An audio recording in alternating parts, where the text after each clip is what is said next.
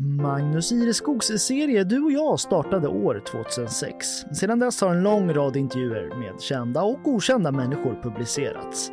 Den gemensamma nämnaren är alla människoöden som skildrats genom åren. För första gången släpps nu några av de här intervjuerna i poddformat inlästa av Magnus Ireskog själv. Den här intervjun gjordes augusti 2022 och handlar om Amin Gohari som kom till Gotland under flyktingvågen 2015 och vänskapen med hans svenska mamma Ann von Korsvant. Amin Gohari kom till Gotland med den första flyktingvågen i november 2015. Sedan dess har han och hans svenska mamma Ann von Korsvant utvecklat en nära vänskap och vid tre tillfällen tillsammans varit på besök i Iran. Det finns ett mått av sorg i de resorna, berättar de i den här intervjun gjord i augusti 2022. En enda dag i Stockholm blev det efter flykten. Sedan lastades Amin och övriga flyktingar in i bussar vars destination ut i landet ingen av dem kände till. Han hamnade på en ö han inte visste någonting om i ett hav så långt ifrån den iranska tvåmiljonersstaden Esfahan i bergen. Den 12 november 2015 anlände han till ett tillfälligt flyktingboende vid Gustavsvik i Visby. Idag tackar han sin lyckliga stjärna för att det blev som det blev, men då var känslan annorlunda. Alltjämt ligger den tiden så nära att han kan ta på den. Isande vindar, regn i luften, nakna träd, ett obegripligt språk och dessutom helt tomt på folk. Jag tänkte, säger han, jag tänkte var är alla människor och om det finns några, vad lever de av? Det fanns inga affärer, ingenting, skrattar han idag, snart sju år senare. För idag är han rotad i det gotländska, han har jobb, egen bostad och en plats i samhället, om än ännu inte permanent uppehållstillstånd. Det är en tärande väntan, men vi kommer till det. Men Gotland är hemma och här ser han sin framtid som lärare. Det är hans dröm. Pennor och böcker är hans vapen mot okunskap. Inte AK4 i det krig han riskerade att sändas till. Ann von Korsvant som varit hans stöd sedan ankomsten och vid tre tillfällen alltså rest med honom till Iran på besök, flikar in Ja, Amin blir sjuk när han kommer dit. Han klarar inte samhället, utsattheten, allt mygel och korruption. Jag vill hem till Gotland, säger han, berättar hon. De har med tiden fått en stark relation, Amin och Ann. Djup och levande precis som så många andra svenskar fick med dem de öppnade sina hem och hjärtan för. 163 000 personer sökte asyl i Sverige den hösten 2015. Han hade lämnat hemön för Stockholm efter gymnasiet, studerat, jobbat och efter 20 år inom finansbranschen valt att i samband med pensionen flytta åter till Visby. Det var tidigt 2015 och senare på året uppfattade hon ropen på hjälp inför en befarad flyktingvåg från Syrien där inbördeskriget rasat sedan 2011. Så jag gick till ett informationsmöte. Det tog tre timmar och sen var jag god man. Aldrig tidigare hade hon ägnat sig åt humanitär hjälp på detta handfasta sätt. För henne var det i första hand en av många vägar att skapa nya kontakter i det gotländska samhället. Hon kom att bli just god man åt två ensamkommande afghanska flyktingbarn. En av pojkarna lever idag på Gotland, en annan i Frankrike. Man ska ju egentligen släppa dem när de är 18, säger hon, men det är svårt. Vi har fortfarande god kontakt. Man kommer så nära varandra när man hjälper till med det mesta. Det går bra för båda två nu. Det är tacksamt. Amin Gohari, som föddes i Afghanistan men levt större delen av livet på samhällets botten i Iran, var 24 när han kom till Sverige och för gammal för att få god manhjälp. Men Ann såg någonting annat i honom. Då, vid deras första möte på Gustavsvik, där i den ruggiga november. För henne ligger mötet långt fram i minnet. Jag såg en öppen person som hade ett mål. Han ville bli lärare och trots att han inte kunde svenska samlade han de yngre barnen omkring sig och lärde dem språket. Och jag pratade aldrig annat än svenska och kroppsspråk med honom. Amin berättar hur han från början tog alla chanser att lära sig svenska. Jag tog mig till Röda Korset och satt där och lärde mig lite siffror och färger och sånt som jag sedan lärde barnen och så använde vi Google Translate. Vilket i sin tur innebar att barnen hade en liten men viktig grund i det svenska språket när de började i den svenska grundskolan. Men det finns naturligtvis en historia innan Amin anlände till Sverige. Eller mer konkret, innan han tvingades fly trakasserier och hotet att skickas att strida i den syriska armén. Amin föddes för 31 år sedan i Parvan-provinsen i bergen norr om Afghanistans huvudstad Kabul. Morbrodern var profilerad inom politiken vilket innebar att hela släkten Gohari tvingades lämna landet när talibanerna tog över styret i mitten av 90-talet. Amin var bara sex när familjen, vilket också innehöll en mor, far och syster, sedan etablerade sig i tvåmiljonerstaden Esfahan en gång huvudstad i det persiska riket och belägen 40 mil ungefär söder om Irans huvudstad Teheran. Kanske dags att googla förresten eller plocka fram en atlas för det här är ju en del av världen vars städer och länder vi ofta hör i, nämnas i nyhetsflödet men få vet exakt var de ligger. Nåväl, just etablerade är kanske fel valt ord, för afghanistaner i Iran utsätts generellt för en typ av apartheid, berättar Amin och Ann. Så familjen levde i afghanska getton, hade svårt att hitta bostäder och flyttade ofta. Pappa fick inget jobb och mamma drog in lite pengar på att sy och Amin jobbade från 12 års ålder och med tiden en del på en skola där han lärde barn läsa och skriva. Det fyllde honom med lust och mening och en väg han aldrig vikit ifrån sedan dess. Kunskap som ett sätt att skapa ett bättre samhälle. Men så var det det såriga inbördeskriget i Syrien. Det som startat under den så kallade arabiska våren 2011 och där Iran fungerar som stöd åt den syriska Assad-regimen. Eftersom Amin fungerade som lärare var han i myndigheternas ögon en bra väg att nå unga och outbildade afghanska pojkar för att sedan sända dem till syriska styrkor. Han berättar att han blev stoppad av polisen en dag när han var på väg hem.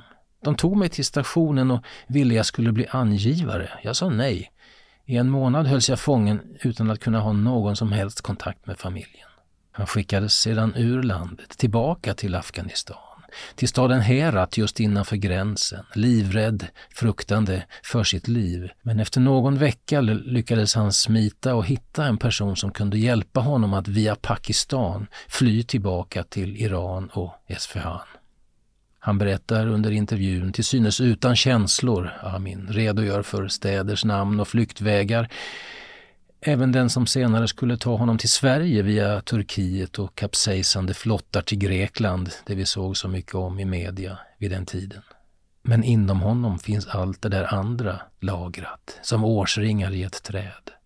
Trakasserierna, hoten, den misshandel han utsattes för av polis, alla gånger han sattes i cell och förstås den alltid överhängande risken att när som helst skickas ut i ett lemlästande krig. Så han gav sig alltså av tillsammans med fem andra grabbar. Vi redovisar inte flykten genom Europa här. Vi har nöjt oss att berätta om funderingarna när han kom till det tomma Gustavsvik. Det där att, eh, vad är det här för plats? Vart har vi kommit och är det en fängelseö? Men däremot Amin, finns det inte en speciell stund då du faktiskt beslutar dig för att ge dig av? Kan du ta mig dit? Vad var det för känslor? Han sitter tyst ett tag, är inom sig tillbaka i gettot där han sa hej då till familjen. Det var svårt. Jag kramade mamma och min syster och visste inte om jag någonsin skulle se dem igen. Och alla frågor. Vad skulle hända dem om jag flyr? Och vad skulle hända mig om jag stannade? Amins far hade vid det laget mördats och en familj utan man är ingenting värd, så hur skulle det gå? Det gick hyggligt, har det visat sig. Mamma har tre bröder och en gift syster. På det viset har livet trots allt gått vidare i Asfahan. Han ångrar inte att han lämnade Iran, men det finns ändå en sorg i det faktum att det med tiden växt ett gap mellan honom och hans mor. För honom har ögonen öppnats för en annan, öppnare värld. Men mamma är kvar i det gamla, det som styrs av Koranen och hon ringer ofta och gråter över att jag blivit en annan person, att hon inte känner igen mig sedan jag kom till Sverige berättar Amin. Har du det? Blivit en annan? På sätt och vis. Mamma är analfabet. Jag har läst och utbildat mig, sett andra delar av världen och insett hur slutet och korrupt samhället i Iran är. Men en sorg är det, som skär i honom. Hon är trots allt hans mamma. Hon finns i hans hjärta och han ser det som sin plikt att hjälpa henne så gott han kan. Hon är sjuklig och från Sverige ser han till att hon får de mediciner hon behöver. Hon bar mig i magen, uppfostrade mig med kärlek och nu är det min tur att ta hand om henne. Precis som jag sen måste ta hand om min svenska mamma. Man måste alltid ha nära till kärleken, säger han. Och det har han. Det är ett faktum. Sedan tre år arbetar han inom ett hemtjänstföretag där han är omtyckt hos såväl personal som brukare. Men innerst inne är det lärare han vill bli. Det är hans dröm. Hans svenska språk är utmärkt men han behöver läsa in engelska för att nå högskolestudier. Migrationsregler tvingar honom dock att arbeta heltid för att eventuellt framåt få permanent uppehållstillstånd. I en rävsax sitter han och Ann von Korsvant skakar på huvudet. Det är en katastrof för många enskilda men också för Sverige. Tänk alla högutbildade personer som sitter och kör tunnelbana i Stockholm till exempel. Och alla pengar staten lägger ut på flyktingar som sen skickas tillbaka istället för att använda deras kompetens. Och Amin ställer under intervjun en öppen fråga. Jag vill fråga politikerna, säger han. Vad gör ni egentligen? Varför tar allting så lång tid? Men samtidigt är han inte ute efter specialbehandling och han tycker att många som kommer till Sverige är för dåliga på att anpassa sig till det svenska, vilket kan bli en grogrund för rasism. Vi har kommit hit och vi är i minoritet. Vi måste lära oss språket och göra vad vi kan för att passa in i samhället, inte leva på bidrag, säger han. Men det gnager i honom, hans obändiga vilja att tillskansa sig och sprida kunskap, men inte få möjlighet att göra det. Utbildning är vägen framåt, så ser han det. För honom, för alla. Kunskap är enda sätt att skapa förändring. I våras var Amin och Ann på sin tredje gemensamma resa till Iran. Första gången var redan 2017, dyrt och riskabelt, men han känner ännu värmen från när han kunde krama sin mamma igen. Det var som en dröm. Jag fattade det inte. Jag tänkte hela tiden att jag drömmer. Anledningen till resan var en enda, att ge kärlek till sin mor och syster, en syster som dock inte ser sin bror som förlorad på samma sätt som modern gör. Systern är mer öppen för världen. I övrigt gör det honom ont att se afghanernas utanförskap i Iran. Drogerna, kriminaliteten, misären i ett samhälle som inte tar ett enda steg framåt. Han har följt med som stöd åt Amin. För henne har det varit lärorika vistelser. Hon förstår idag mer av Amins bakgrund och kultur, vilket är viktigt för deras vänskap. I två veckor var hon där den här gången. Amin stannade i sex veckor. Men antagligen var det sista gången. Åtminstone Ann reste dit. Det är helt enkelt för farligt. Just som hon givit sig av i tidig maj avrådde UD för icke nödvändiga resor till Iran sedan en svensk man i 30-årsåldern fängslats anklagad för spioneri. Så sent som i slutet av juli i år rapporterade svensken åter ha gripits i Iran misstänkt för spioneri då denne bland annat rört sig på orter som inte är turistdestinationer. Det är en olustig stämning, säger han, särskilt i de afghanska delarna, i och med att det är så fattigt. Där håller man hårt till sina saker. Jag är glad att jag har varit där och träffat Amins anhöriga och fått en inblick i hans historia, men det var nog sista gången. Och du Amin då? Du som trodde du kom till en fängelseö. Känner du fortfarande så? Nej, skrattar han, det här är bästa platsen. Här vill jag leva och helst av allt i framtiden arbeta som lärare.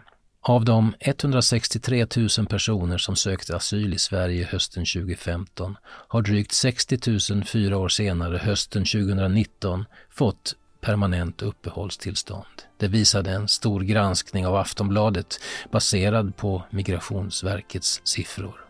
Drygt 24 000 hade beviljats tillfälliga uppehållstillstånd. 47 000 hade fått avslag och drygt 18 000 ärenden avskrivits efter att asylansökan dragits tillbaka.